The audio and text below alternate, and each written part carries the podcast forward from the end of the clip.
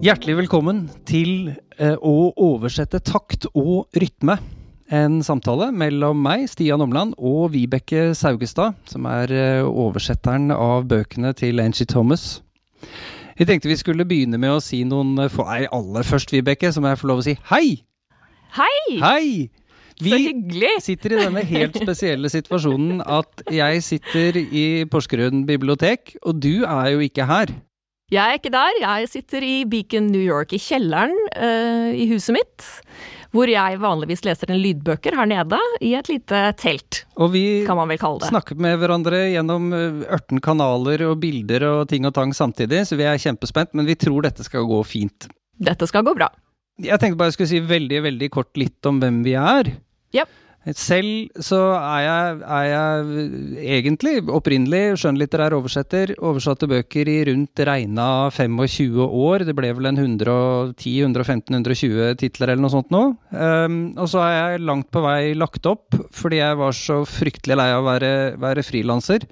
Og blei, uh, fikk lov til å være med og leke på biblioteket istedenfor. Så nå er jeg litteraturformidler i bibliotek, Porsgrunn bibliotek og stortrives med det. Så jeg sitter egentlig her med to hatter, eh, og er glad for det. Jeg håper det funker. Og så har jeg vært så heldig det siste, det siste året å få lov til å være programleder i en podkast som heter Forfatteren og favoritten, som handler om ungdomslitteratur, eller litteratur for ungdom. Sånn at der har dere meg. Men det skal jo aller mest handle om deg, Vibeke Saugestad. Du er født ja. i 1976. Født i 1976. Italia? Har... Ja, faktisk. Hva var det for noe?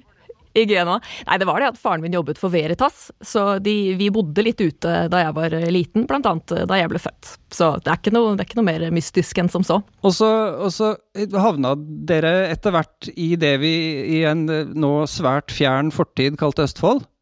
Ja.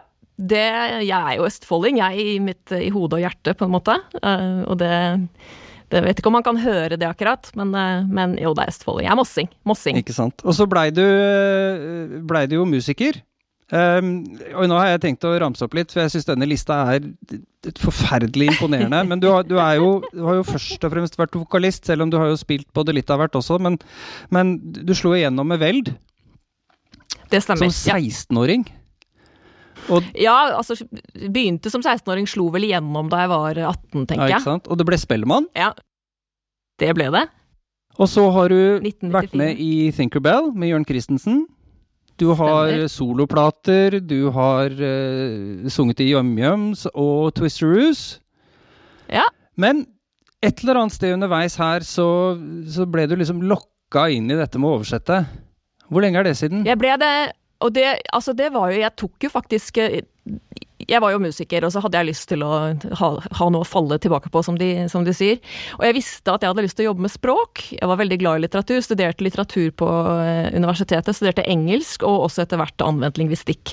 Tenkte at oversetter ville være en fin ting å kunne kombinere med det å, ja, å være musiker, da, fordi at det, det vil da være en frilanstilværelse. Men det tok ganske lang tid før jeg faktisk begynte å jobbe som oversetter. Det skjedde ikke før i Jeg tror kanskje jeg fikk mitt første oppdrag i 2004.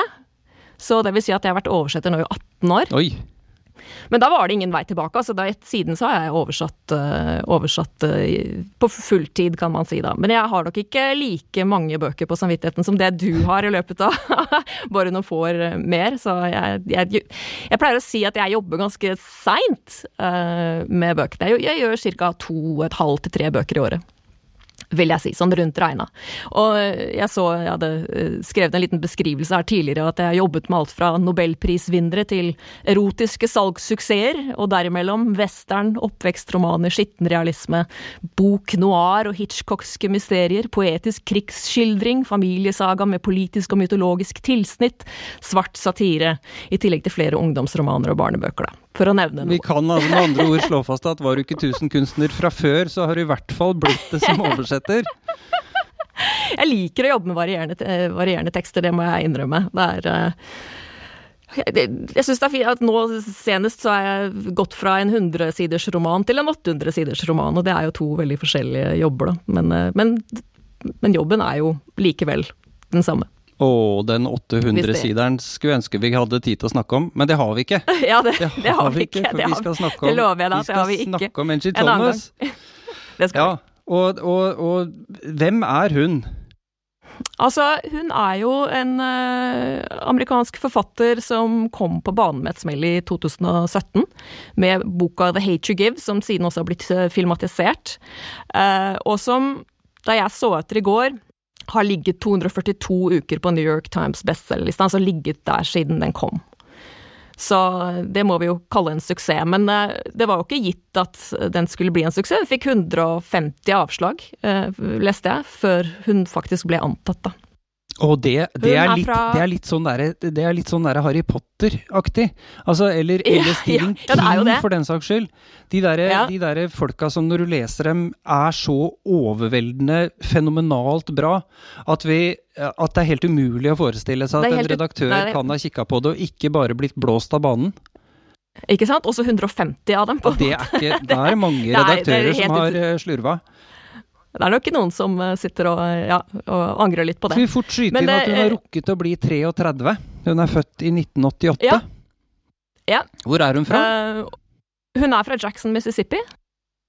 Og uh, så vidt jeg forsto, så, så, så begynte hun å skrive Altså, hun Du hadde en historie om at eh, hun eh, det, Du kan jo du kan ta den litt kjapt. Jeg, jeg, tror vi må, jeg tror vi må tillate oss å påpeke at, at hennes oppvekst i Jackson, Mississippi, var Det var ikke noe gjennomsnittlig forstadsliv vi snakka om her. Nei. Dette her er, er tøffe tak og, og svært krevende omgivelser.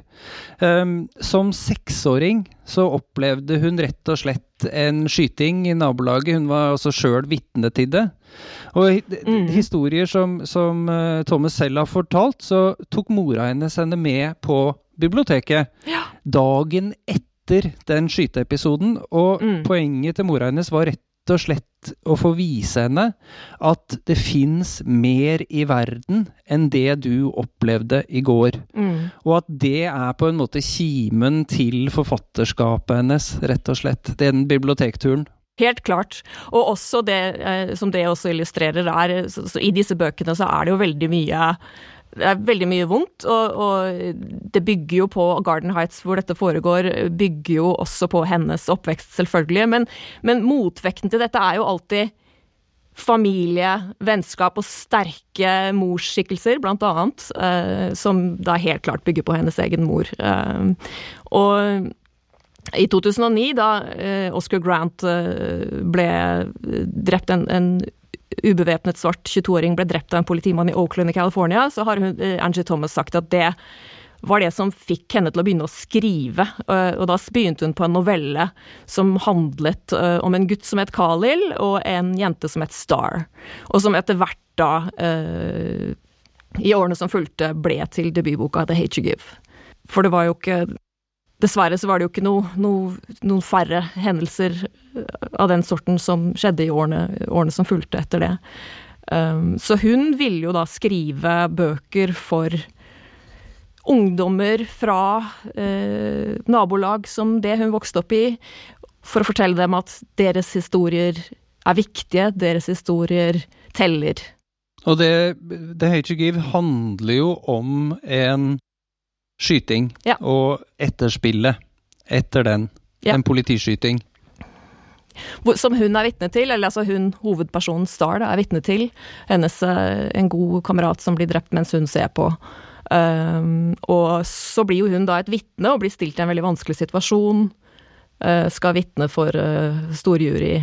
uh, og dette Boka handler jo om hennes kamp. Eh, Hun går på en hvit, eller en, en skole, eh, og er helt annet, en helt annen person der enn den hun er kanskje i nabolaget hjemme, da.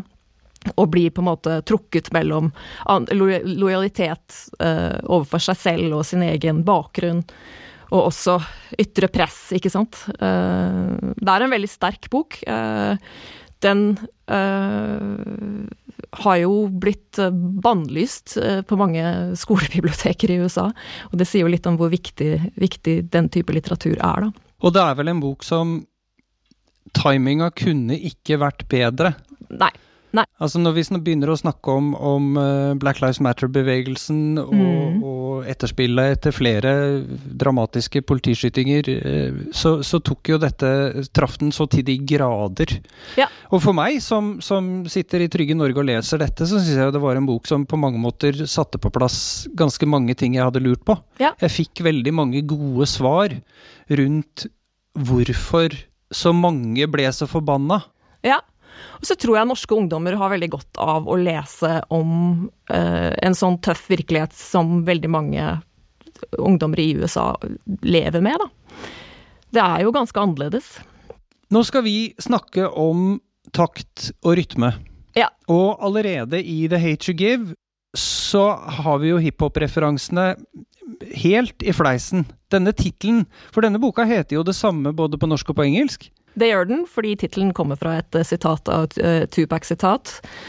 Uh, The hate you give little infants fucks everybody. Er det det det står for? Eller hva jeg, sa jeg det riktig nå? Dette det. kan folk få lov til å slå opp. Det tror jeg vi Ja, lever det helt greit med. Det er et Tupac-sitat. det var i hvert fall det var i hvert fall helt det, det, det skjønte vi ganske tidlig at, at det, den tittelen måtte vi beholde. Og det er jo det som er det vanlige, ikke sant? Ja. Når vi støter på Det er noen få sånne ting som, som, som får lov å stå på originalspråket når vi oversetter. I og for seg fordi vi er så heldige å oversette fra et språk som de fleste av eh, leserne våre som oversetter, Når vi oversetter fra engelsk til norsk, så skjønner jo de fleste av dem. Selv om de har valgt å lese på norsk, så skjønner de en god del engelsk. Ja. Og dermed så kan vi tillate oss å la ting stå. Det er, ikke det, det er ikke like tilgjengelig for en som oversetter fra japansk, f.eks. Absolutt ikke. Men vi kan gjøre det. Vi kan gjøre det, men det er en, det er en balansegang, og det kan vi komme tilbake til litt, eh, litt eh, seinere. Men hvis vi skal eh, si litt om det med hiphop, så, så var jo Angie Thomas hun var jo rapper. Ungdomsrapper. Så den neste boka, eller den boka som vi primært skal snakke om, da, 'På vei mot toppen', handler jo om en ung jente som på en måte ser det hun skjønner at hun har et talent, og ser det som sin på en måte vei ut av elendigheten, da, for for å bruke et litt eh, Kanskje ikke helt eh, passende ord, men, men i hvert fall til å komme seg noen vei. Fordi hun ser broren i The Hate You Give, nei, i, eh, På vei mot toppen. Han har f.eks. tatt collegeutdannelse, men likevel han, må han da jobbe på pizzasjappa når han kommer tilbake. Det er veldig vanskelig å komme noe sted, eh, fordi det ikke er de samme mulighetene eh, i det nabolaget som det er eh, andre steder, da. Og hun ser jo da hiphopen og rappingen som, som sin utvei, på en måte. Og det er jo en sånn lignende tematikk i alle disse bøkene. Det, det, det går jo på på dette med identitet og lojalitet, systemisk rasisme, forskjellsbehandling. Og, men, men det som var annerledes med På vei mot toppen, da, var jo at her er det jo gjennomsyra av, eh, av eh, rapp og, og hiphop. Terminologi og ja. Ja, for uh, Brianna Jackson, som er uh, vår hovedperson og, og heltinne, må man vel kunne Ja. tillate seg å si, Det får vi kalle i, det. uh, På vei mot toppen. Hun, uh, hun rapper, hun er 16, og, og rim og rytme renner ut av henne. Uh, Hun filtrerer jo verden gjennom, eh, gjennom tekstene sine, på en måte. Eh, altså, det er jo sånn hun reagerer på det som skjer, eh, skjer omkring seg. Og har dessuten stålkontroll på hiphop-historien, og har en far som selv var kommende gryende hiphop-stjerne da han ble skutt og drept i et gjengoppgjør. Ja, riktig. Så jeg vet ikke om vi skal gå over på hiphopen, eller om Jeg vi vil si det. litt Jeg syns vi skal Ja, vi bruke tid på hiphopen, for det er, det. det. er, eh, det er så mye å bite i og ta tak i der. Vi kan si bare sånn kjempekjapt at hun har også skrevet en tredje bok eh, som heter 'Betongrose', som er ute nå på norsk. Eh, og som handler på en måte Det er på en måte en sånn prequel, som man, eh, man kaller det. Hva, hva sier man på Nei, det er vel rett og slett forhistorien ja, til The Hate You Give, er det ikke det da? Jo det er jo det. Det handler om faren til hovedpersonen i The Hate You Give. Så uten at vi skal gå så veldig inn på den, den kan jo folk eh, lese selv. Um, så Men vi kan vel i hvert fall for- trygt si at, at folk som etter hvert har rukket å bli glad i fortellerstemmen til Angie Thomas, uh, har mye å glede seg til i uh, Betongrose også. absolutt. Det kan vi si. Men Hiphop. Hip Kan vi ikke begynne med, med, med Vibeke Saugestad fra Moss? Eh, musiker, og, og vi må vel kunne si at du i mye av det du har gjort musikalsk, har hatt en, en slags, eh, skal vi kalle det americana-vinkling på en god del av det? Definitivt. Americana og garasjerock, på en måte. Powerpop. Det er jo det jeg holder på med. Det er ikke tung, svart kultur i bånn på alt det der? Ikke på alt. Uh, Twisterus er nok det som nærmer seg, for der er det en veldig soul-influence. men, men det er vel på en måte det eneste som Har det vært noe særlig hiphop i ditt uh, hode underveis? Det har vært lite hiphop i mitt hode. Altså, man kan vel vel si på en måte at mitt forhold til hiphop var ikke-eksisterende. Så der måtte jeg gjøre et dypdykk. Men jeg ble veldig glad da jeg fikk den boka og skjønte hva den handlet om, og hva som ble ventet av meg som oversetter. Fordi jeg bestemte meg jo ganske kjapt for at her må jo eh, Brianna Hun må jo rappe på norsk, selvfølgelig. Eh, det ville være helt feil å la henne rappe på, på engelsk. Vi har jo altså Norskspråklig rapp jo, lever jo i beste velgående og har, har en lang og blomstrende historie. Eller, altså. så, så det er, Er det også noe du har funnet ut uh, underveis her? Nei, det Eller har du hatt det på radaren? Det visste jeg. Det, det har, såpass har jeg fått med meg. Uh, Og jeg, altså, det var ikke det at, ikke, at jeg var liksom helt grønn, men, men det at jeg hadde ikke hørt på veldig mye hiphop sjøl. Men det gjorde, måtte jeg gjøre noe med, da. Så jeg gjorde et dypdykk. Jeg eh, alt jeg kunne finne på, på nettet, YLTV, kornete filmklipp, NRK hadde en veldig bra dokumentarserie som jeg så på. Og så fant jeg på radio eh, National Rap Show. Um, surra gikk, da, ikke sant. Jeg valgte å på en måte la dette her på en måte skylle over meg til stadighet, og plukka liksom opp et ord her og der, og litt også for å på en måte bare få den sjargongen under huden, da. Høre hvordan de snakket sammen, ikke sant. Hva hvilke ord beholdes på engelsk, hvilke ord beholdes på, eller overs, direkteoversettes til norsk. Sånne ting. Og så er det det å på en måte bare få dette ned på en, en sånn slags oversikt. Ok, hva, hva gjør jeg her? Og så snakket jeg jo med bl.a. din sønn, som eh, var veldig behjelpelig med, med hiphop-terminologi, og han hadde også forslag til en del andre som jeg kunne kontakte og snakke med, da. Fordi det, ikke sant, og det, det var jo sånn jeg i boka så er det jo masse, masse hiphop-terminologi, og det er jo viktig at en som leser, eller det er i hvert fall det jeg bestrever meg på, det er at en som leser det, som har peiling på dette her, ikke skal liksom steile og tenke at herregud, jeg aner ikke oversette, her er det liksom helt ute. Det er jo det, det, det vil vi jo nødig. Så derfor eh, gjør vi jo grundig, grundig research, samme hva en bok eh, dreier seg om, og det er jo det som er veldig en morsom del av jobben nå, da, vi lærer en masse om veldig mange forskjellige ting. Og her var det jo eksempel sånt som, ok, masse engelske ord som blir beholdt, Uh, skills, bars, battle, flow, MC, hook, beats, shoutout, mixtape, ikke sant. Sånne ting som er helt naturlig å beholde på engelsk uh, i teksten. Samtidig som mye uh, altså fornorskede ord, eller altså direkte oversatt, å drepe en beat, myrde en beat, slakte en beat, spytte bars, ikke sant. Altså Så det er jo en balansegang og en Ja, altså, man, man må finne den rette flowen, da, eh, ikke sant? Men så var det jo også Hva er flow? Ja, flow er jo den eh, Altså den flyten man kommer inn i når man rapper, da, og det er jo en helt, helt spesiell ting. Og, og, som, da vi snakket om, om denne boka, eh, så sa jo du at du hørte på den på lydbok, og jeg ble litt sånn Litt, eh, det hadde ikke jeg tenkt på, at den som sitter og leser inn Jeg leser jo også inn lydbøker. Fordi da jeg jobba med disse rapptekstene, så var jo jeg veldig Altså, det er jo Ligner jo på det å skrive egne låter, på en måte. Altså, har, men her har du selvfølgelig et utgangspunkt, ikke sant? så det er jo en historie som skal fortelles, men så har du jo dette her med innrim og midtrim og lydlikhet, ikke sant, og, eh, og jeg syns at da jeg på en måte hadde satt meg liksom inn i hvordan disse tekstene er bygd opp, da. Så det som var så gøy, var at det, det var en sånn kreativitet, og alt er liksom lov. Så jeg følte at det frigjorde meg veldig.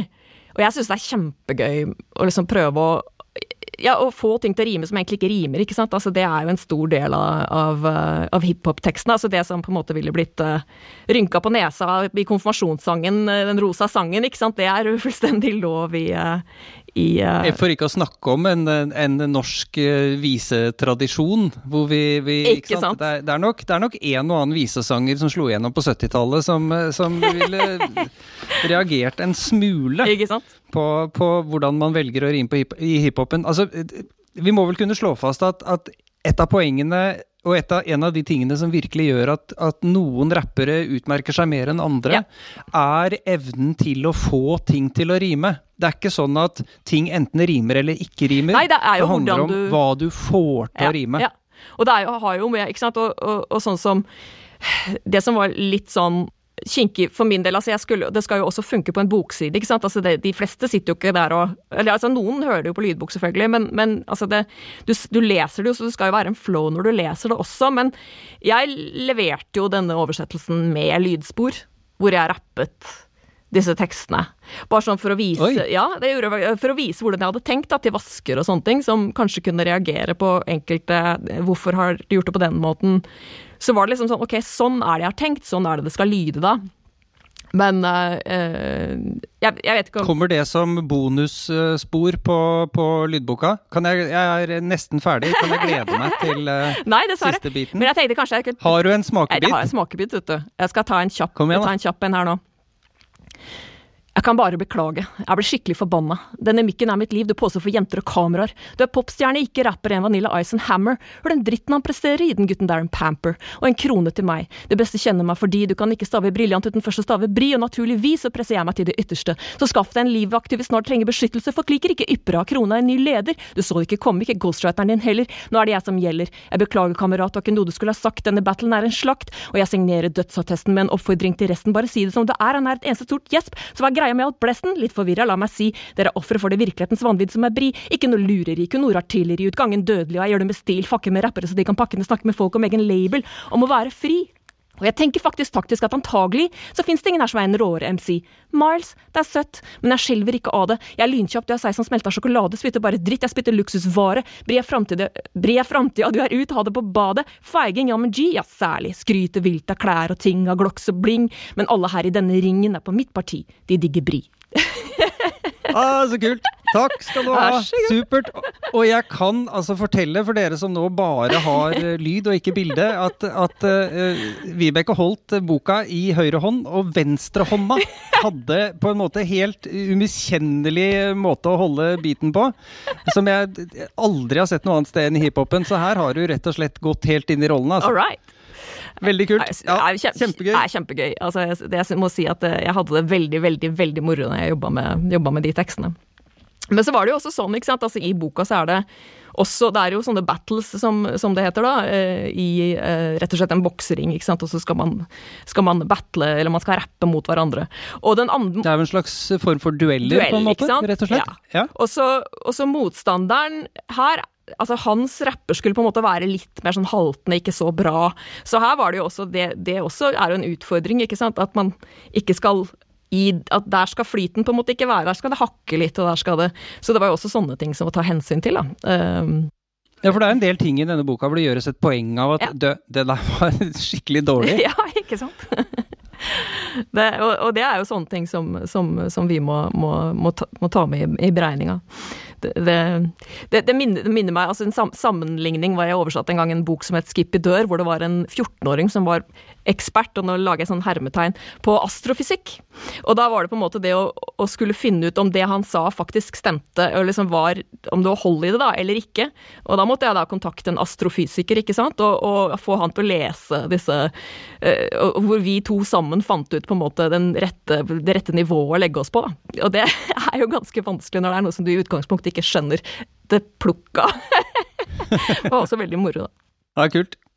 Men det er jo ikke altså Nå har vi vært innom en god del rundt dette med både bruk av rim, og, og du demonstrerte jo dette med rytme, ja. og hvordan man forskyver rytme. Og, og, og, ikke sant? Vi er vant til mye mer tradisjonelle også, også bruk av rytme når vi forholder oss til, mm. til tradisjonell sang, ja. eh, også i popmusikken.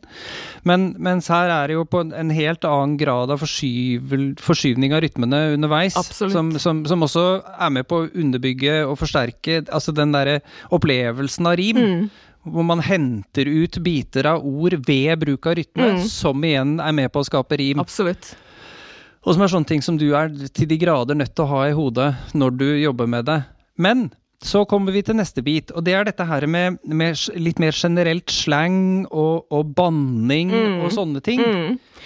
Har du, hvordan bestemte du deg for å nærme deg de tingene der? Du hadde jo selvfølgelig et forelegg allerede fra The Hate You Give, og sikkert Absolutt. tatt en del valg der som ble med inn i denne boka. Det var jo veldig, altså Grunnlaget på en måte var jo lagt i The Hate You Give uh, på, på, mange måter, med, med, med slang og, og, og som du sier. Jeg må nok si at jeg ofte, når jeg oversetter fra eh, amerikansk litteratur, toner ned banninga litt. Fordi hvis du liksom skal overføre alt, så blir det unaturlig, rett og slett. Altså, men vi har jo den derre dobbeltheten Altså, det er det som er vanskelig, og som, som er jo det at det foregår Alle vet jo at det foregår i USA, men de snakker jo norsk. så du skal, ha, du skal finne den balansegangen mellom du skal liksom ikke tenke 'å, her er vi på Grorud', liksom, uh, men du skal bruke språk som den ungdommen, eller de ungdommene som leser boka, føler er naturlig, da. Ikke sant? Et språk som de kjenner seg igjen i. Så det er den balansegangen der. Um, og jeg snakker jo veldig mye med, med, ungdom når jeg oversetter ungdomsbøker, og sender liksom uh, sender jo uh, mailer ikke sant, og spør hvordan sier dere ditt og hvordan sier dere datt. Og, og det som jeg jo kommer over mye, er jo det at, at det er uh, uttrykk som har en annen, en annen, opprinnelse, altså som har opprinnelse i tyrkisk eller uh, urdu, eller ikke sant, uh, som brukes, og som blir på norsk, på norsk ikke sant, og som, som, da jeg på en måte ikke kan nest, altså Som jeg ikke nødvendigvis kan overføre direkte til en, en ungdom i, i, i Mississippi, da. det blir liksom feil. Um, så det er hele tiden en balanse og en magefølelse. Altså, du må liksom tenke ok, hvordan ville den personen sagt det? Hvordan ville min person sagt det? Det har jo liksom å gjøre med hvem det er som sier det også. Og det som jeg syns er også litt morsomt, det er jo som forekommer litt i denne boka her, men også veldig mye den jeg holder på med nå, er litt sånn gammelmannsbanning.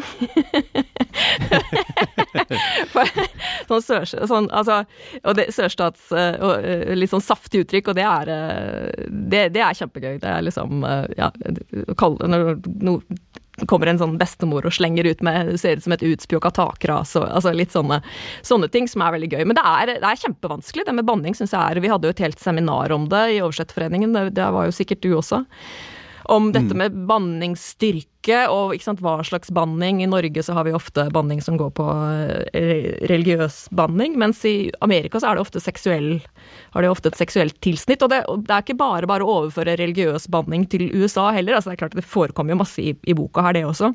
Men fordi sant, disse menneskene er jo også veldig religiøse, de går i kirken hver søndag, og, og, det å finne den balansen også er jo ikke bare helt enkel. Og de har ganske mange sånne litt sånn halvbanneord, sånn dang og ikke sant, Dang brukes masse. Dang!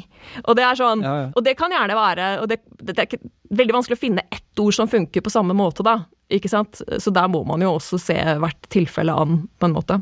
Det kan jo bety Smake litt på om fytti katta funker eller ikke, ikke eller wow, i en amerikansk eller, virkelighet. Wow eller jøss, yes, eller uh, vi, Det er vel ikke til å komme fra at når vi snakker om, om denne typen ting, og nesten alle sånne problemstillinger mm. som vi tar opp oversettere imellom, og, og det være seg i seminarsammenhenger eller bare i diskusjoner når vi møtes, så, så lander vi jo veldig, veldig ofte på en slags konklusjon om at, at hvor, vi spør oss sjøl hvordan låter det for originaltekstleseren. Mm. Og kan vi gjenskape den opplevelsen i leseren av den oversette teksten? Mm. Hvilke virkemidler må vi bruke for å skape den samme opplevelsen som originaltekstleseren fikk på sitt morsmål? Mm. Det er jo en, en, den effekten som skal overføres, på en måte. Jeg tenkte at vi, vi, vi, begynner å nærme oss en slags slutt her, og jeg tenkte at vi skulle så vidt innom et, et spørsmål som henger litt sammen med dette her med hvilke ord man kan bruke, og hvilke ord man ikke kan bruke. Mm. Hvordan dette her med, med hudfarge og etnisk bakgrunn og betegnelser på forskjellige grupper brukes som skjellsord i noen sammenhenger og er akseptable mellom medlemmer av samme gruppe, men ikke fra én gruppe til en annen gruppe. Og Vi skal ikke gå noe nærmere inn på akkurat det akkurat nå. Jeg tror de fleste som hører på dette, skjønner hva jeg Mm, snakker om. mm. Men i forlengelsen av det igjen, så har vi fått en situasjon hvor dette her med, med uh, identitet og tilhørighet er blitt i en strid også når det gjelder hvem som får lov til å oversette hva. Mm. En interessant situasjon som har oppstått uh, rundt dette her med uh, Amanda Gorman, Ja. som, uh, bare for å minne kort på det, var altså denne unge afroamerikanske kvinnen som, som fremførte et helt fenomenalt dikt som heter The Hill We Climb, under innsettelsen av president Biden. Og som så skulle gis ut på andre språk. Det skulle altså gjendiktes Mm, og gis ut. mm. Og da ble spørsmålet hvem kunne, hvem skulle få lov til å oversette, gjendikte den teksten? Har du fulgt den saken? Ja, altså, jeg, jeg fikk jo med meg det. Uh, og det var jo uh, mange forskjellige ting som skjedde. Uh, det var jo blant annet den katalanske oversetteren, tror jeg, som var en eldre mann. gjendikter. som, altså anerkjent gjendikter, som etter, etter hvert, og det var vel litt uti Det var vel etter en stund at han fikk beskjed om at hans versjon ikke kunne brukes. Men jeg tror nok det at opprinnelig eh, så det, det, ble litt Jeg tror at noe av dette ble litt sånn misforstått også, for jeg tror Amanda Gorman på en måte Hennes intensjon var vel det å gi noen som henne en mulighet, altså hjelpe andre til å få en mulighet til å kunne eh, Til å kunne få en sjanse til å oversette hennes verk, da, ikke sant. Eh, og jeg tror nok det at Jeg tror det var hun, for eksempel, som valgte ut den nederlandske oversetteren, som etter, Som, siden mista jobben fordi hun var hun trakk, både hun trakk seg. Uh, Ja. eller hen, hen trakk seg, og, og, og, og jeg tror det, altså etter hva jeg har lest, men altså disse tingene endrer seg jo også litt etter hvert, da. Jeg tror, Mm. Hen sa at eh, det ikke var uh, den ster sterkeste siden, da, slampoesi, og, og så var det også selvfølgelig fordi det ble så innmari mye bråk rundt det. Men jeg må si at da jeg så Amanda Gorman, det var jo en helt uh, utrolig uh, sterk opptreden. Um, så tenkte jeg å, så gøy det måtte være å få oversette det, tenkte jeg. og, og, Jo, men det er jo det som er mitt poeng Ja. her med å ta det opp, er jo nettopp uh, parallellen her til Ja. Angie Thomas, Ja. afroamerikaner fra Mississippi. Har- uh, kan si mye pent om Vibeke Saugestad fra Moss, men, men ikke er du fra Mississippi. Nei. Det er mye bakgrunn her som er annerledes. Jeg har jo er- oversatt eh, mange eh, afroamerikanske forfattere, og, og jeg ville jo ikke tatt på meg den oppgaven hvis ikke jeg trodde at jeg kunne gjøre en god jobb. Og det er jo, som du også nevnte da vi snakket sammen tidligere, så er det jo et fag. Eh, Det er jo det vi driver med, å oversette en kultur til en annen og et språk til et annet. Og selvfølgelig så er det en fordel hvis man har kjent på kroppen eller virkelig har opplevd de tingene man skriver om, men det er jo da, altså vi det er derfor vi reiser til de stedene hvor handlingen foregår. Vi går rundt i de samme gatene, vi spiser på de samme stedene.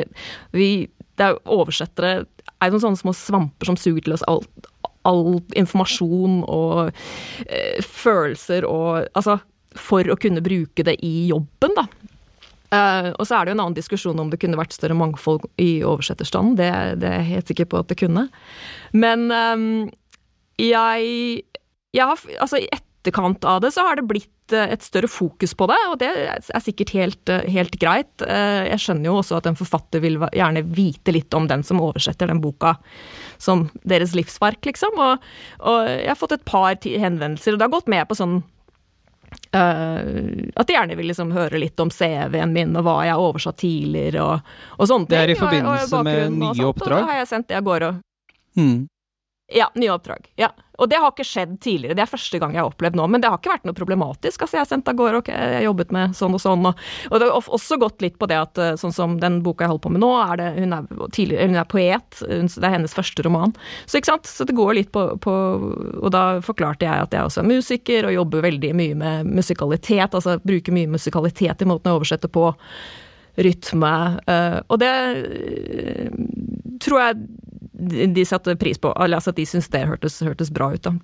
En annen uh, mailutveksling som for så vidt ikke var liksom mellom meg, og det var mer mellom forlaget og uh, forfatters uh, agent. Og der tror jeg det var forfatteren som hadde på en måte um, hadde lansert en sånn idé om at kanskje kunne være en sånn slags mentorordning. Da, at en mer eh, erfaren oversetter bisto en mindre erfaren, som kanskje hadde mer av den bakgrunnen som, som, eh, som forfatteren selv. Da. Eh, og det er klart at det er jo en tanke, men, men det blir veldig vanskelig hvis, hvis Ja, altså det er mange bøker jeg ikke kunne oversatt hvis jeg skulle være akkurat som den som boka handler om, eller akkurat som den som har skrevet boka. Da. Så jeg føler jo det at, eh, at eh, det Ja, det er jo det som er jobben. Det er jo å ta på seg i hvert fall en annen stemme. Og la den flytte ja, inn absolutt, i Ja, om absolutt. den flytter inn i strupehodet eller fingertuppene, mm. det får være. Men, men at, at, det gjelder at vi, vi, kanaliserer noe, og det er ikke oss sjøl. Tror jeg er et viktig poeng. Nei, og det er jo det som er så spennende med jobben også. At, også at den gjør den så, så uh, Hver bok og hvert oppdrag blir jo veldig, veldig forskjellig. Uh, Men Vibeke, apropos dette med jo, ting som flytter inn i strupehodet ja. og, og, og holde på med, med en musiker som oversetter bøker, og da noen ganger bøker om musikk og sånn. Um, og med lang ja. fartstid i musikkbransjen som utøvende. Uh, hva slags musikk produserer du sjøl for tida? Det er ikke veldig mye altså Akkurat nå er det jo liksom Pga. pandemien så har det vært lite de siste to årene. Men, men siden jeg flytta til USA, da, jeg, jeg flytta hit i 2016 Nei, 2014, 2014 var det. Uh, og da begynte jeg å spille sammen med to jenter der borte. Vi har en gruppe som heter The Why Not Sisters. Som er uh, en sånn, sånn uh, trestemt Det er liksom trestemt sang som står i fokus. Mye litt sånn 40-tallsinspirert av Andrew Sisters og Len Sisters og altså sånne type ting. Men vi tar gjerne litt nyere musikk som vi på en måte ja, oversetter til, til den stilen, da. Og så spiller vi Jeg spiller litt ukulele og gitar og piano, og så har vi en som er veldig god på fele, og så en som spiller bass. Altså, ja, vi bytter på instrumenter, og det er veldig, det er veldig moro. Lekent. Ikke og så veldig alvorlig. Og når vi snakker alvorlig. om ting som ikke er veldig alvorlige, så, så har det jo dukka opp en ting til her. Eh, fordi at vi fikk jo en pandemi ja. i huet alle sammen, og, og du bestemte deg for å bruke den tida til noe jeg må innrømme at jeg ikke så komme. Kan ikke du fortelle litt om det? nei. Jo, nei, det var jo um, Det var jo uh, i juni, mai-juni 2020. Hvor liksom det var uh, nedstengt, og, og, jeg tenkte at nå må jeg gjøre noe, et eller annet som jeg liksom alltid har hatt lyst til å holde på med, eller, eller alltid har hatt lyst til å prøve, og det er rett og slett buktale. Og så så jeg en del programmer om det på, på, på, YouTube. Jeg kjøpte en bok, sånn instruksjonsbok, og leste litt om det og sånn. Og så tenkte jeg at ok, så på litt sånne dukker på nett og sånn, og så tenkte jeg nei, vet du hva, altså, her må jeg bare lage meg en liten kompis. Og så var det jo noe med det at eh, det var litt sånn var litt frustrert og litt mangel på sosialt liv og sånn, så det å kunne snakke med seg sjøl eh, i en litt mer sånn sofistikert utgave var jo helt perfekt, egentlig. Og så sydde jeg en liten pingvin av uh, sånn isolasjonsmateriale som kommer i sånne matkasser som vi får, og, så, og fløyel og en gammel sokk. Og, og, så ble det Penguin. Altså, Penguin opps, vok, voktet Han bare var der. Og da, jeg tror det at det var grunnen til at eh, jeg fortsatte med det, og også det at jeg fant ut at det lå for meg, på en måte. Det, syns ikke det var så veldig vanskelig. Jeg, jeg henter fram dette nå, for det første må jeg understreke at, at penguin altså staves P-U-N, ikke E-N. Ja. Eh, han er veldig opptatt av ordspill. Uh, som, så det er, ikke sant? Og så er det jo sånn at nå snakker vi jo om, om buktaling, men han er jo, han er jo buksynger. Du er buksynger. Ja da, han, vi, vi, har jo mange opptredener ved noe vi kaller for The Legend Series, som på bursdagen til forskjellige artister så, så fremfører Penguin en liten melodi, da. Har Dette Penguin kan, rappa noe? Han har ikke rappa, altså, men, men, eh, hvis man spør Pungen om han, eh, om han, kan noe, så er han jo ofte veldig overstrømmende og mener at det er han eh, verdensmester i, eller til. Og, og han, han er jo en nokså ubeskjeden type, kan man si. For å si det mildt. Da vi er så jeg veldig gjerne få lov til å bare, runde av her nå med å utfordre Penguin til å, å gi oss en rap. Og så vil jeg oppfordre alle som hører på, til å, til å finne Vibeke på Instagram. Eh, og, og, og, oppsøke dette eventyret som Penguin er. Eh, ja. Den utfordringen kommer han til å ta, det kan jeg garantere. Ja, jeg gleder meg allerede. Vibeke, tusen, tusen takk for praten. Jeg mistenker at vi har breia oss mer enn vi skulle, men sånn får det gå. Det, sånn går det, vet du, når, når, vi, når, vi, først eh, kommer i gang. Jeg pleier å si 'legg på en femmer', så, så bare prater jeg i vei. Ikke sant. Og to oversettere som stort sett sitter og holder kjeft mesteparten av tida. Det, da renner det litt over etterpå. Ikke sant. Og som ikke har sett hverandre på lenge. Bare Veldig en sånn hyggelig. ting. Ja, i like måte. Ja. Tusen, tusen takk. Vi snakkes, og tusen takk til alle dere som har hørt på oss. Ha det bra. Ha det, ha det.